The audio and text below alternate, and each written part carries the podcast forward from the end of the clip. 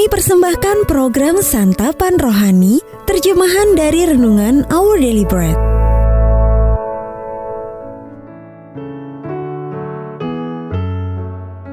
Sahabat ODB, pembacaan Alkitab hari ini terambil dari 1 Petrus pasal yang kedua, ayat yang pertama sampai dengan ayat yang ketiga, lalu dilanjutkan dengan ayat yang ke-9 sampai dengan ayat yang ke-10.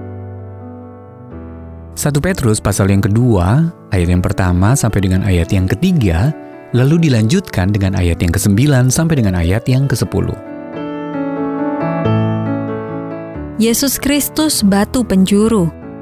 Karena itu buanglah segala kejahatan, segala tipu muslihat, dan segala macam kemunafikan, kedengkian, dan fitnah. Dan jadilah sama seperti bayi yang baru lahir, yang selalu ingin akan air susu yang murni dan yang rohani, supaya olehnya kamu bertumbuh dan beroleh keselamatan. Jika kamu benar-benar telah mengecap kebaikan Tuhan, tetapi kamulah bangsa yang terpilih, imamat yang rajani, bangsa yang kudus, umat kepunyaan Allah sendiri, supaya kamu memberitakan perbuatan-perbuatan yang besar dari Dia yang telah memanggil kamu keluar dari kegelapan kepada terangnya yang ajaib. Kamu yang dahulu bukan umat Allah, tetapi yang sekarang telah menjadi umatnya. Yang dahulu tidak dikasihani, tetapi yang sekarang telah beroleh belas kasihan.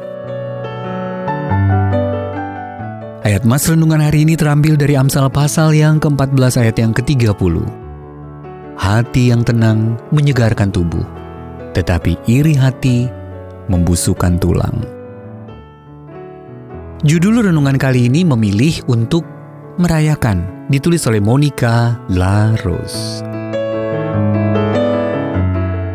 Sahabat ODB penulis Marilyn McIntyre bercerita, dari seorang teman ia belajar bahwa lawan dari iri hati adalah perayaan Meskipun memiliki cacat fisik dan penyakit kronis yang membatasi kemampuannya mengembangkan bakat sesuai harapannya, sang teman sanggup menjalani hidup dalam sukacita dan merayakannya bersama orang lain.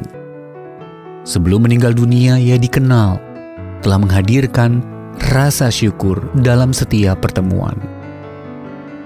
Pemikiran bahwa lawan dari iri hati adalah perayaan menetap dalam diri saya. Saya teringat kepada teman-teman saya yang menjadi contoh dari kesanggupan untuk bersuka cita atas diri orang lain. Suatu sukacita yang tulus, mendalam, dan bebas dari rasa persaingan. Kita mudah jatuh ke dalam jerat iri hati.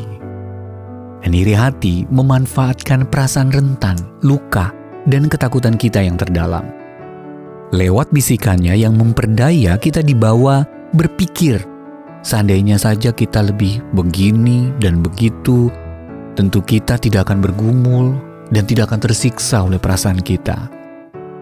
Namun sebagaimana para petobat baru, diingatkan Petrus dalam satu Petrus pasal yang kedua, satu-satunya cara untuk membuang segala kebohongan yang dibisikan rasa iri hati adalah dengan mengakarkan diri ke dalam kebenaran, yakni mengecap atau mengalami secara mendalam kebaikan Tuhan.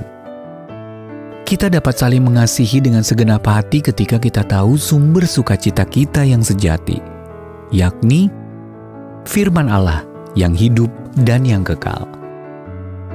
Kita dapat mengenyahkan setiap persaingan dengan mengingat siapa kita sebenarnya. Kita adalah anggota terkasih dari bangsa terpilih, umat kepunyaan Allah sendiri kita telah dipanggil keluar dari kegelapan kepada terangnya yang ajaib. Sahabat ODB apa saja contoh sukacita yang bebas dari rasa persaingan yang telah mempengaruhi hidup Anda?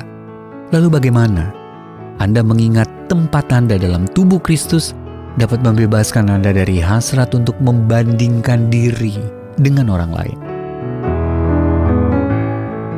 Allah pengasih sumber segala yang baik, tolong aku melepaskan rasa iri yang menguras sukacita dan membusukkan tulang. Tolong aku sebaliknya untuk merayakan anugerah kehidupan yang indah dan tak terhitung banyaknya dalam kerajaan. Our Ministries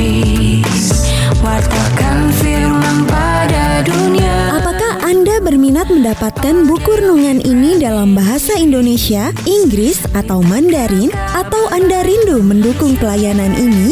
Hubungi Our Deliberate Ministries di 021 2902 8950 WhatsApp 0878 7878 9978 Email indonesia at odb.org Tuhan Yesus memberkati.